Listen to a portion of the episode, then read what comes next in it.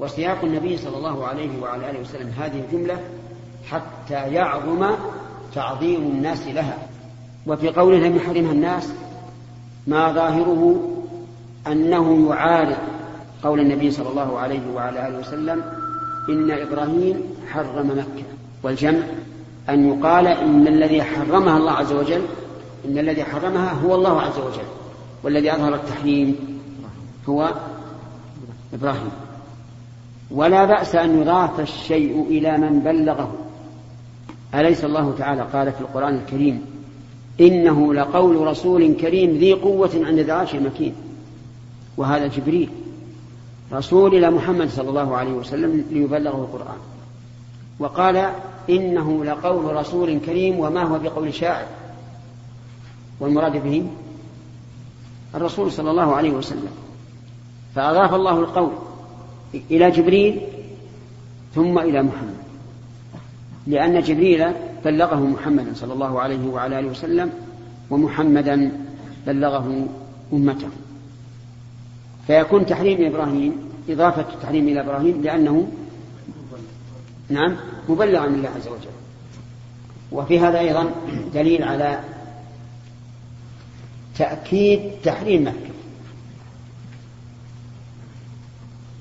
وأن تعظيمها وتحريمها من الإيمان بالله واليوم الآخر.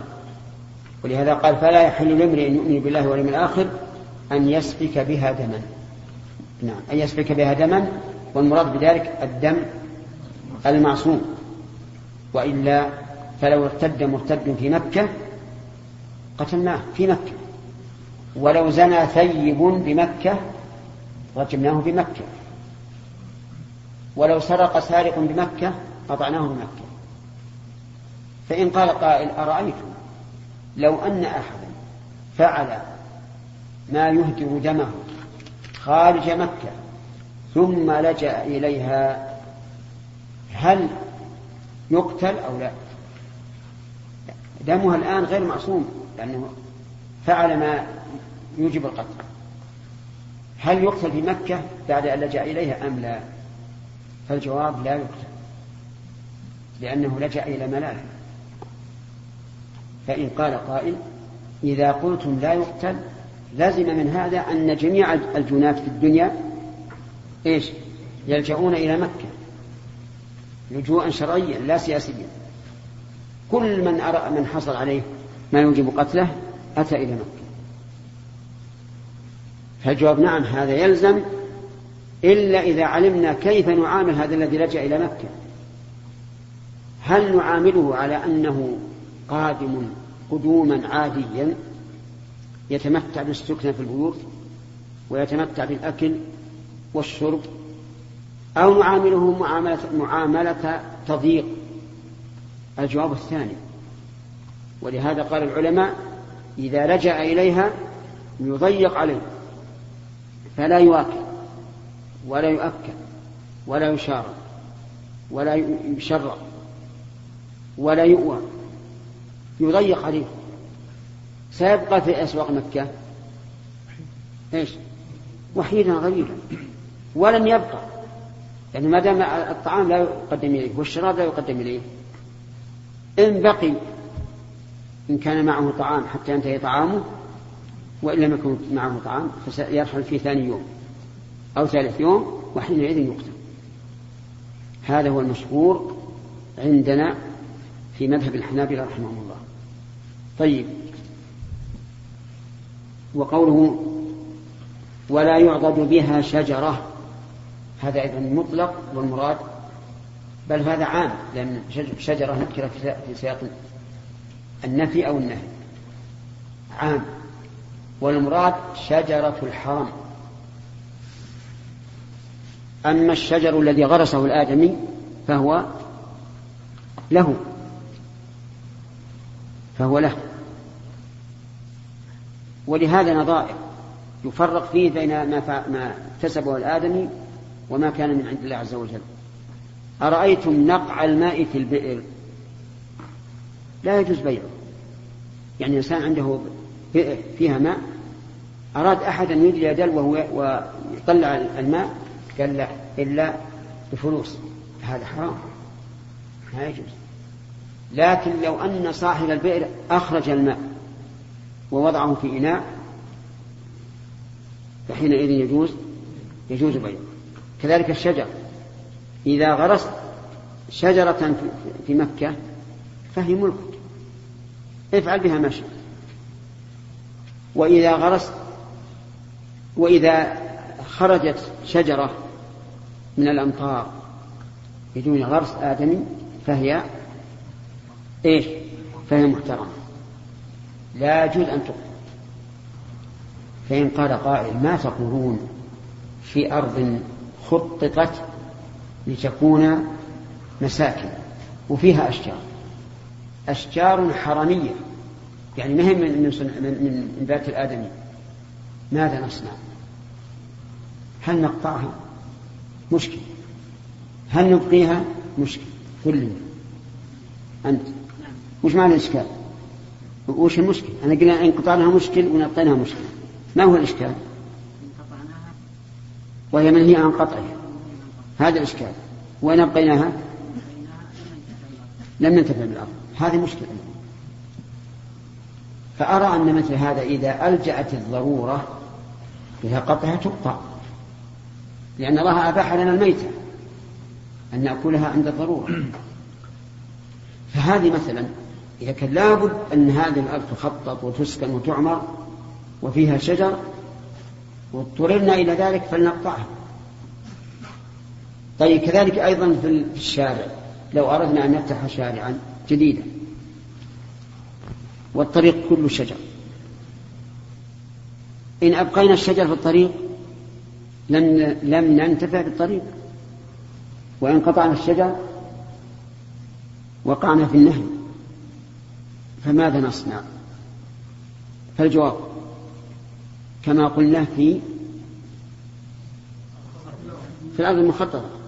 إذا كان لابد أن نفتح الطريق من هنا قطعنا الأشجار. كما يباح لنا أكل الميت للضرورة. وإذا كان يمكن حرفه, حرفه إلى جهة أخرى فلا نقطعها إذا نبتت في الطريق بعد أن كان طريقا. وضيقت على الناس. وليس هناك طريق آخر. هل تقلع أو لا؟ نعم تقلع. لأن إذا, لأن إذا أبحنا أن نقلعها ابتداء فكيف بمن طرأت على الطريق؟ نعم. فإن أحد ترخص لقتال رسول الله صلى الله عليه وسلم فقولوا له إن الله أذن لرسوله صلى الله عليه وسلم ولم يأذن لكم وإنما أذن لي ساعة من نهار. وقد عادت حرمتها اليوم كحرمتها بالأمس وليبلغ الشاهد الغائب. هذا الإيراد الذي أورده النبي صلى الله عليه وعلى آله وسلم من حسن تبليغه وتعليمه. هو عرف أنه صلى الله عليه وسلم قاتل فيها. متى؟ في غزوة الفتح وعلم صلى الله عليه وعلى آله وسلم أن الناس أسوة به. فسوف يحتج المحتج ويقول لقد كان لكم في رسول الله أسوة حسنة وهذا النبي صلى الله عليه وعلى آله وسلم قاتل فيه. فأجاب بأن هذا من خصائصه لأن الله أذن له ولم يأذن لغيره. يعني ما أحلت لأحد من الأنبياء إلا لمحمد صلى الله عليه وسلم ساعة الفتح وهذه الجملة تفيد أن الأصل الاتباع للرسول صلى الله عليه وعلى آله وسلم ما لم يرد ما يدل على إيش؟ التخصيص. ففي القرآن الكريم قال الله عز وجل وامرأة مؤمنة يعني أحلنا لك امرأة مؤمنة إن وهبت نفسها للنبي إن أراد النبي أن يستنكحها إيش؟ خالصة لك من دون المؤمنين فبين الخصوصية. وهنا بين الخصوصية أيضا. فهذان مثالان يدلان على أن النبي صلى الله عليه وعلى آله وسلم له خصائص يختص بها. وقد ذكر العلماء رحمهم الله الخصائص التي للنبي صلى الله عليه وسلم وجمعوها في كتاب النكاح من كتب الفقه لأن أكثر ما اختص به الرسول صلى الله عليه وسلم ما يتعلق بالنكاح. فلذلك ذكروها هناك. وفي هذا دليل على جواز النسخ مرتين. النسخ الأول إحلالها بعد أن كانت حراما. والثاني تحريمها بعد أن كانت حلالا. هذا ما لم تكن الإذن من الله عز وجل مقيدة مؤقتة. فإن كانت مؤقتة فلا نسخ إلا مرة واحدة. واضح ولا غير واضح؟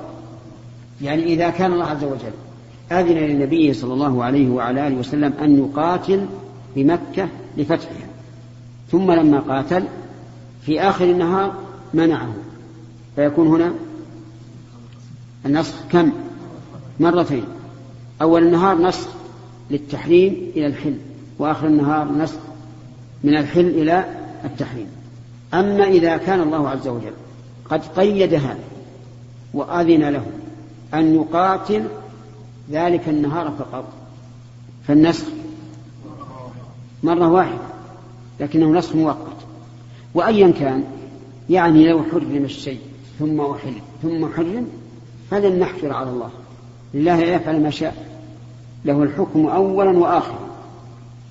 وأيا كان يعني لو حرم الشيء ثم أحل ثم حرم فلن نحفر على الله.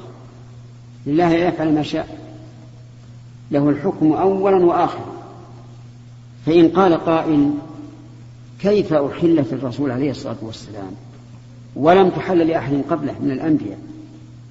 فالجواب أحلت للنبي صلى الله عليه وعلى آله وسلم تعظيما لها لا استهانة بحرمتها. تعظيما لها؟ أجل نعم. ليش؟ خلصها من الشرك. صارت بلد توحيد بعد أن كانت بلد الشرك وبلد إيمان بعد أن كانت بلد كفر. وهذا لا شك أنه من تعظيمه. ولهذا لما قال سعد بن عبادة رضي الله عنه في ذلك اليوم اليوم يوم الملحمة اليوم اليوم تستحل الكعبة. قاله الرسول صلى الله عليه وسلم كذب سعد. اليوم اليوم الذي تعظم فيه الكعبة. اللهم صل وسلم عليه. ثم أخذ الإمرة منه والقيادة إلى ابنه قيس بن سعد. ما هي الساعة التي أحدث له؟ التي أحل له فيها القتال؟ قلنا إنها من من طلوع الشمس إلى إلى العصر.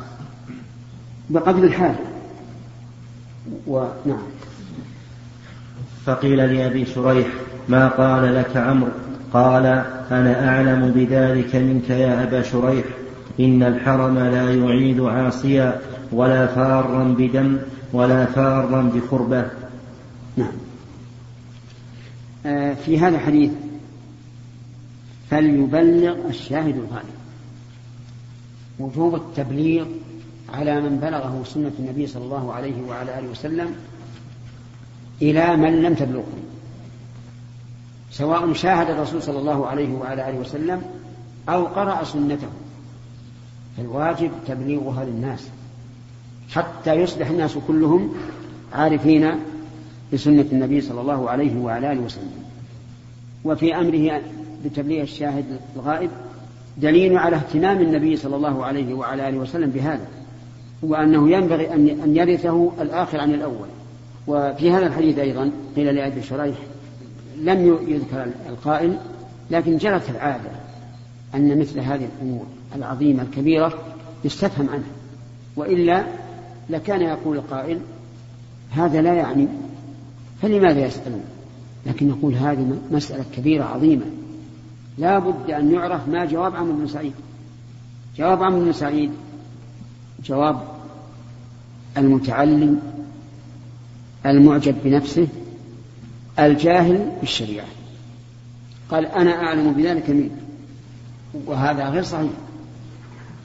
لأن أبا شريح ينسبه إلى من؟ إلى النبي صلى الله عليه وعلى آله وسلم. وهذا علم. أما كلام عمرو بن سعيد فإنما قاله من رأيه.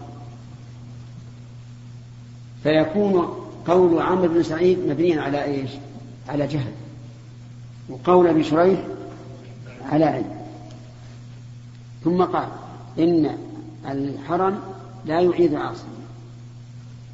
وعلى كلام عمرو لو أن إنسانا عاصم وجب عليه حد أو تعزير ولجأ إلى الحرم فإنه يقام عليه الحد والتعزير وليس كما قلنا فيما سبق. أن يضيق عليه حتى يخرج. لكن هذا غلط من عمرو بن سعيد. كذلك أيضا يقال ولا فارا بدم. يعني لو قتل رجل آخر وثبت عليه القصاص وهرب إلى مكة فالحرم لا يعيد وعلى كلام عمر يقتل في الحرم لأنه لا يعيد طيب ولا حربة بلية؟ أي بلية توجب أن يقتل؟ فإن الحرم لا يعيد. وقصده بذلك أن عبد الله بن الزبير رضي الله عنهما لا يعيده الحرم حين خرج عن ولاية بني أمية. لأن عبد الله بن عمرو عبد الله بن الزبير رضي الله عنه كون خلافة في مكة في الحجاز مكة والمدينة. وبنو أمية في الشام. فاعتبروه خارجا عنه عن بيعتهم ولا إذن للحرم ولذلك قاتلوا. ولكن حسابهم على الله عز وجل. هم قتلوا واستحلوا الكعبة حتى إن الحجاج بن يوسف الثقفي كان يضرب الكعبة بالمنجنيق والعياذ بالله. ويقال والعهد على التاريخ إنهم آه، محاصرون لمكة وأرسل الله تعالى عليهم الرعد القاصف والصواعق. فقيل له للحجاج ألا تخاف؟ قال لا هذه قعقعة الحجاز. فالله أعلم هل هذه مبسوسة عليه أو صحيحة. وعلى كل حال الرجل معروف في أن لديه غشما وظلما وله حسنات لكنه سيئاته تغلب على حسناته. سليم. لعن الله منا ومحدث لعنة؟ لعن الله منا ومحدث نعم. أي نعم. لا من كبائر الذنوب أن تؤوي المحدث. الواجب أن تطرده. وأن لا تنزله بضيافتك يقام عليه له الفرق بينهما. أن من فعل ما يوجب الحد في الحرم انتهك حرمة الحرم فلا يكون له حرمة. جزاء وفاقا. وأما من كان خارج الحرم ثم لجأ فهذا يعتقد تعظيم الحرم وأنه ملجأ ومعاد انتهى الوقت. نشوف يا أخي وش عنده هذا الحديث وليبلغ الشاهد الغائب نعم مثل هذا الحديث ومثل قوله صلى الله عليه وعلى آله وسلم بلغوا عني ولو آية. نعم. يعني بعض الناس يستدل مثل هذه الأحاديث الإنسان العام الذي ما عنده إلا سمع حديث واحد يخرج داعيه في الناس. هذا المنهج الشيخ سليم.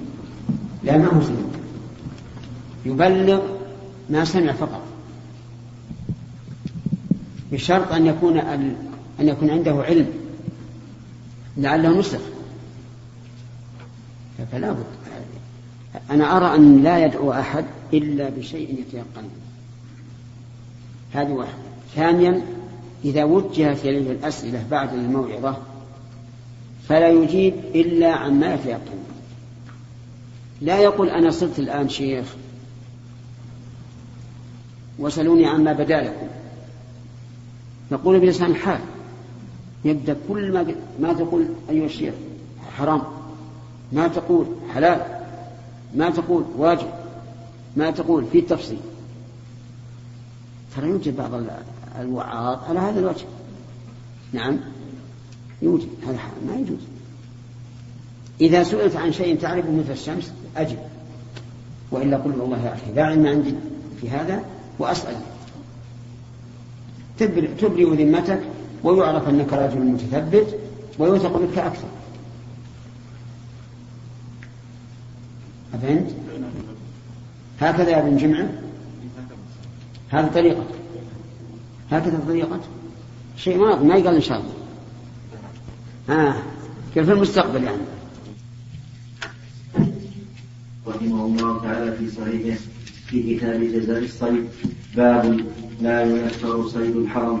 حدثنا محمد بن مثنى قال حدثنا عبد الوهاب قال حدثنا خالد عن عكرمة عن ابن عباس رضي الله عنهما أن النبي صلى الله عليه وسلم قال إن الله حرم مكة فلم تحل لأحد قبلي ولا تحل لأحد بعدي وإنما أحلت لي ساعة من نهار لا يختلى خلاها. ولا يعضد ولا يعضد شجرها ولا ينفر صيدها ولا تلتقط ولا تلتقط لقطتها إلا المعرض وقال العباس يا رسول الله إلا الإذخر إلا الإذخر لصاغتنا وقبورنا. فقال إلا الإذخر وعن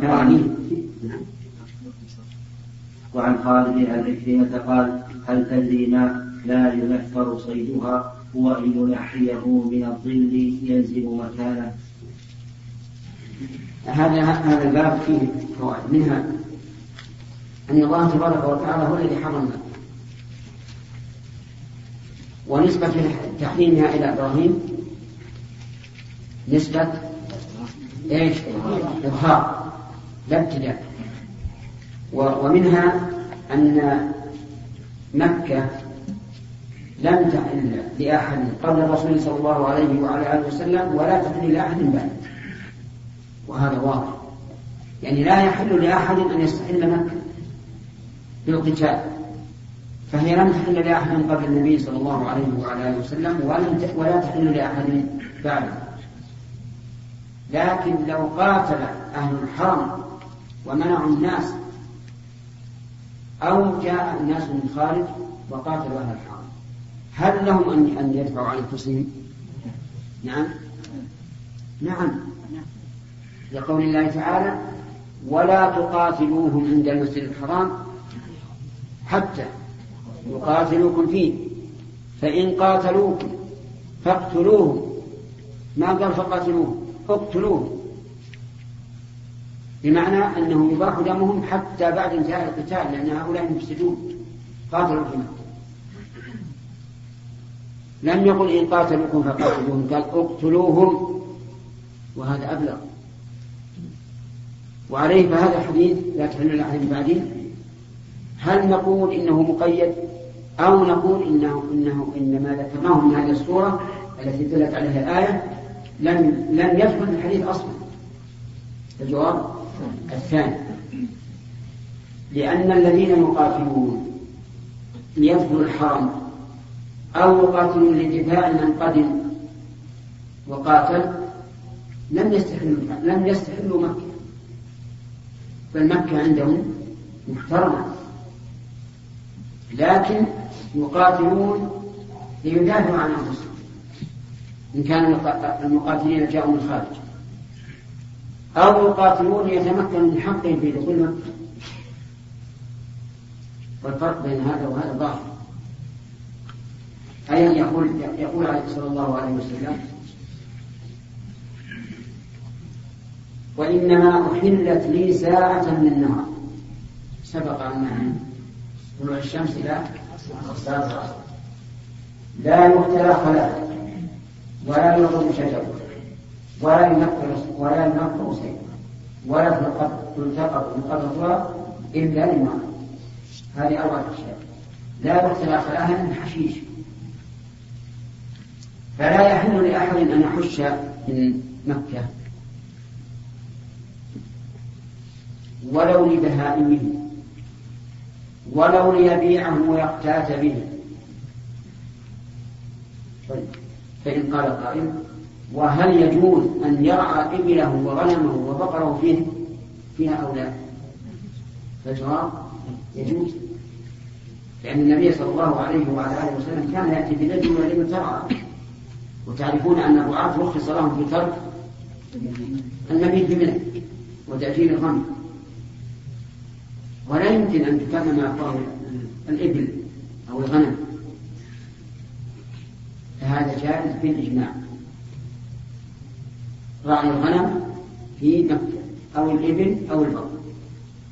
طيب. ثاني يقول ولا يعضد شجرها. لا يعضد يعني يقطع والشجر ما له ساق قائم كشجر شجر الطلح والعوشة وما أشبه ذلك. لا يجوز أن يقطع. طيب. لو فرض أن هذه الشجرة على الطريق ولها غصن متدلل يؤذي المار فهل يجوز قطعه؟ نعم؟ يجوز؟ لا يجوز. لا يجوز. فإن قال قائل ألستم تجيزون قتل الصيد إذا صال على الإنسان في مكة؟ فالجواب لا لا يجيز هذا. يعني لو صال على الإنسان الضبط الضبط حلال وهو محرم أو في مكة ولم يندفع إلا بالقتل فله قتل. فلماذا لا تقولون في الشجرة يتدلى غصنها على الطريق ويؤذي المرضى؟ لماذا لا تقولون إنها صائمة؟ الجواب لأنها ليست بصائمة نعم لو أن الشجرة لما أحست بالآدم جعلت تمشي من أجل أن تؤذيه أو تعمي عليه يجوز أن يدفع بقطعها ولا لا؟ يجوز إذا هذه ليست صائمة لكن ماذا يصنع؟ هل يبقي هذا الغسل يؤذي المسلمين؟ نقول لا يبقي ينويه دم يعني يحرفه إلى الجهة الأخرى. كما قال الفقهاء رحمهم الله لو تدلى غصن شجرة على جارك وجب عليه إذا طالب الجار أن تلويه حتى لا يتأذى به طيب ولا ولا شجرها ولا ينفر صيدها. ولا ينفر صيدها أي يطرد وليس مقيدا مما قال عكرمة رحمة الله.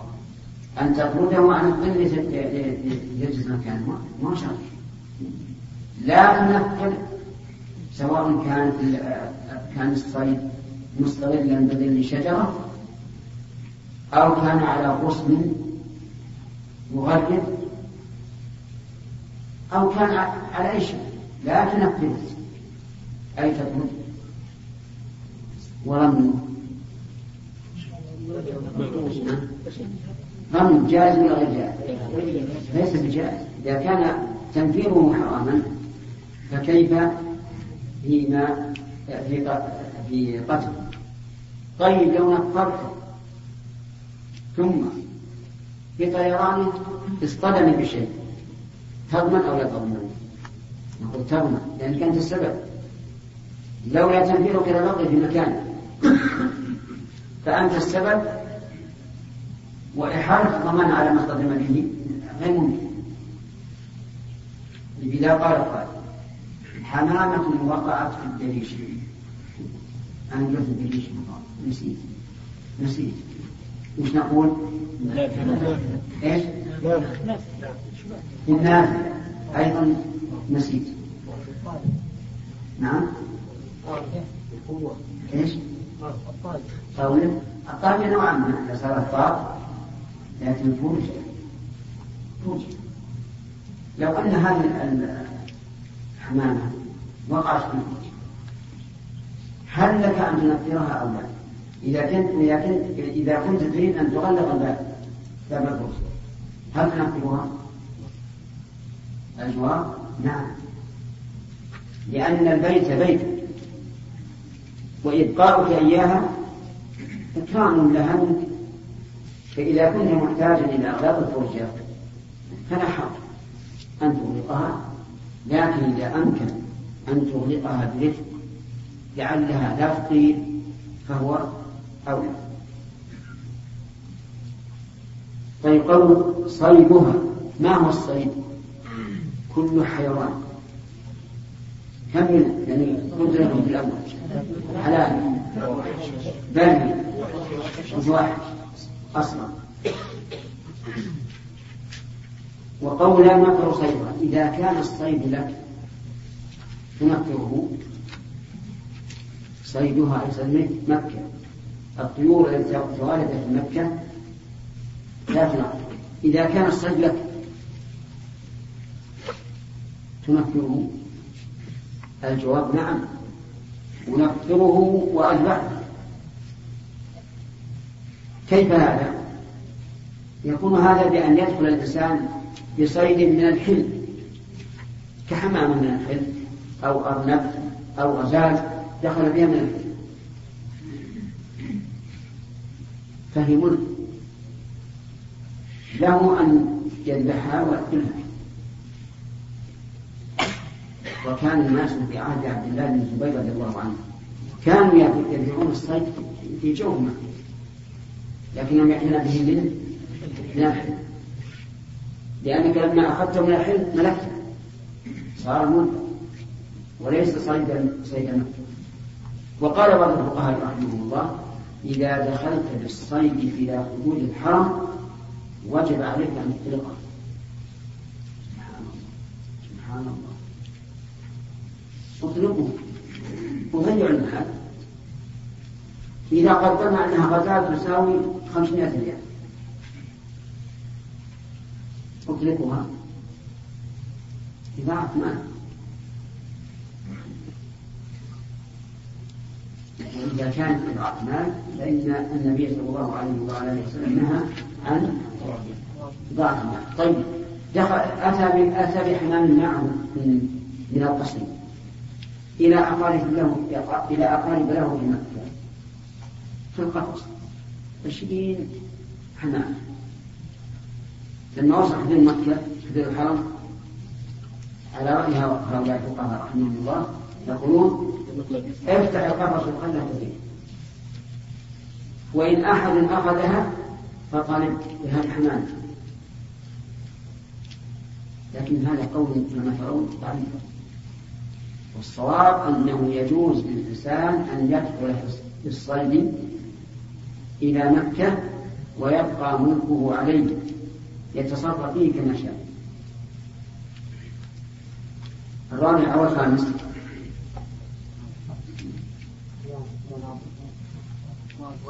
لا يقتل خلاف ولا يضرب شرب ولا ينفر صيد ولا تلتقط لقطتها إلا لمعذب. أي يعني لو وجدت في مكة لقط دراهم ألف ريال. لا تأخذ إلا إذا أردت أن تعرفها. مكة قال الفقهاء سنة. تعرفها سنة. وقال الآخرون تعرفها مدى الدهر حتى بعد موتك توصي بأن يعرفوها أيهما أصلح الثاني لا شك. لأن تعريفها سنة لا يظهر امتياز مكة على غيرها تكون مكة وغيرها سواء وهذا من احترام ما في مكة. طيب أخذت الآن. قلنا عرفه ما تدعى احفظ في كيس وعرفه ما تدعى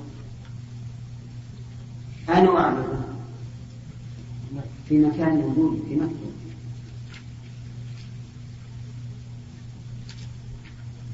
يقول هذا فيه مشقة. فيه مشقة شديدة.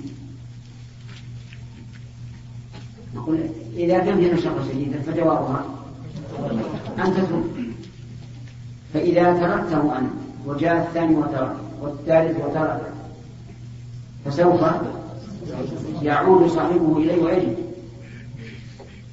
وهذا ممكن لما كانت مكة صغيرة ودورها صغيرة.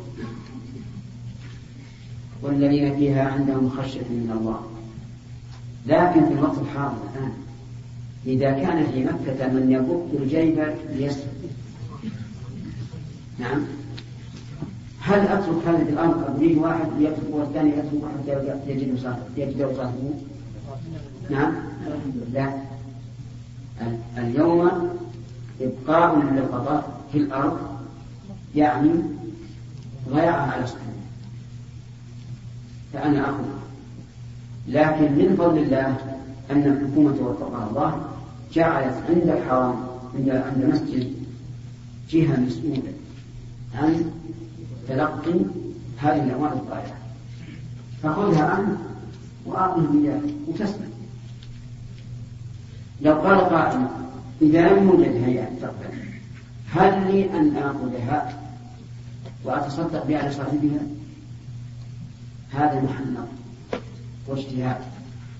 قد يقول القائل نعم أخذك إياها وتصدق بها خير من إبطالها حتى تأخذها السباع. وقد يقال عبد وليس مسؤولا.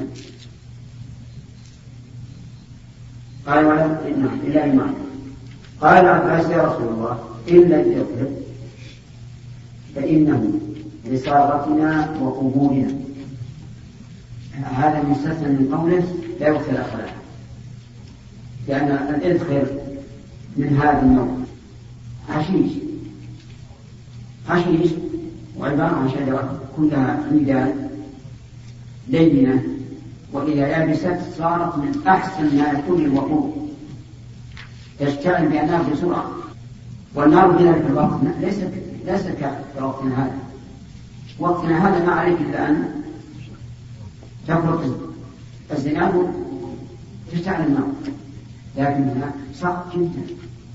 متى يجدون الزن؟ ومتى يطلقون ومتى تعلو النار؟ فكانوا يستعملون الإلف والصاغة جمع صاغ صور. وفي لفظ لقينهم يعني الحدادين. ولا مانع أن يكون يستعمل الصور والحدادين. لكن قوله قبول. نعم لصاغتنا وقبول كيف ذلك؟ في عهد النبي صلى الله عليه وسلم القبور تحفر وتلحد ويوضع الميت في اللحم ثم يصف عليه اللبن ثم يوضع في خلل اللبن الإذخر ويضرب عليه الطين من أجل أن لا ينهال التراب على الميت في القبر فيستعملونه في القبور. كأن العباس رضي الله عنه يقول يا رسول الله هذه حاجة ملحة. يحتاجها الأحياء والأموات واجتنابها صعب. فقال النبي صلى الله عليه وسلم نعم. فقال النبي صلى الله عليه وسلم إلا الإدخل إلا الإدخل مستثنى من قوله لا يختلى خلاء. فاستثنى النبي صلى الله عليه وسلم الإدخل يستفاد من هذا الحديث أنه يجوز الاستثناء بعد فراغ المستثنى منه. وإن لم ينوه المستثني إلا بعد فإنه صحيح. وهذه مسألة اختلف فيها العلماء رحمهم الله. منهم من قال إن الاستثناء لا يصح إلا إذا نواه المستثني قبل تمام الكلام. فإذا قال رجل لنساء الثلاث أنتن طوال هكذا أنتن طوال. فقال له ابنه يا أبي إلا أمي قالت إلا أمك علشان نعم. تطلق ولا ما تطلق؟ لا القول بأنه لا بد من نية الاستثناء قبل تمام المستثنى تطلق ما ينفع الاستثناء وعلى القول الراجح الذي هو مقتضى هذا الحديث نعم لا تطلق لأنه استثناها. والكلام لم ينفصل من بعد. وعليه فلا يشترط نية الاستثناء قبل تمام المستثنى منه. ولا يشترط اتصال المستثنى بالمستثنى. لأن بين قوله ولا ينفر صعيدها وقوله إلا للخل بينها جمل لكن الكلام واحد. وهذا ينفع في كل الاستثناءات. لو قال رجل لو قال رجل للآخر عندي لك عشرة دراهم. فقال له إلا درهما أو أو أو فايتنين فهنا لا يصح الاستثناء على رأي من يرون أنه لا بد من من نيته قبل أن المستثنى منه. لكن يسقط الدرهم باعتبار أن صاحبه اعترف بأنه وصل. فعلى كل حال القول الراجح في هذه المسألة أنه لا يشترط في الاستثناء. نية المستثنى قبل تمام المستثنى منه. ولا اتصاله به. ما دام الكلام واحد. ويدلك لهذا قصة سليمان عليه السلام. لما قال والله لأطوفن الليلة على تسعين امرأة. تلد كل واحدة منهن غلاما يقاتل في سبيل الله. شيء محبة للقتال. أقسم أن نطوف على تسعين امرأة. تسعين امرأة كل واحدة تلد غلام يقاتل في سبيل الله. فقال له الملك قل إن شاء الله. فلم نقل إن شاء الله. بناء على ما في قلبه من القوة والعزم. فجامع تسعين امرأة تسعين امرأة جامعهن في ليلة. فلم تلد إلا واحدة منهن. شق إنسان. سبحان الخلاق العليم. يريك عزته ويبدي لطفه. حتى لا تتألى على الله. اجعل الأمر منوطا بمشيئة الله عز وجل. قال النبي صلى الله عليه وعلى آله وسلم لو قال إن شاء الله لم يحدث. اقلب الشريط من فضلك.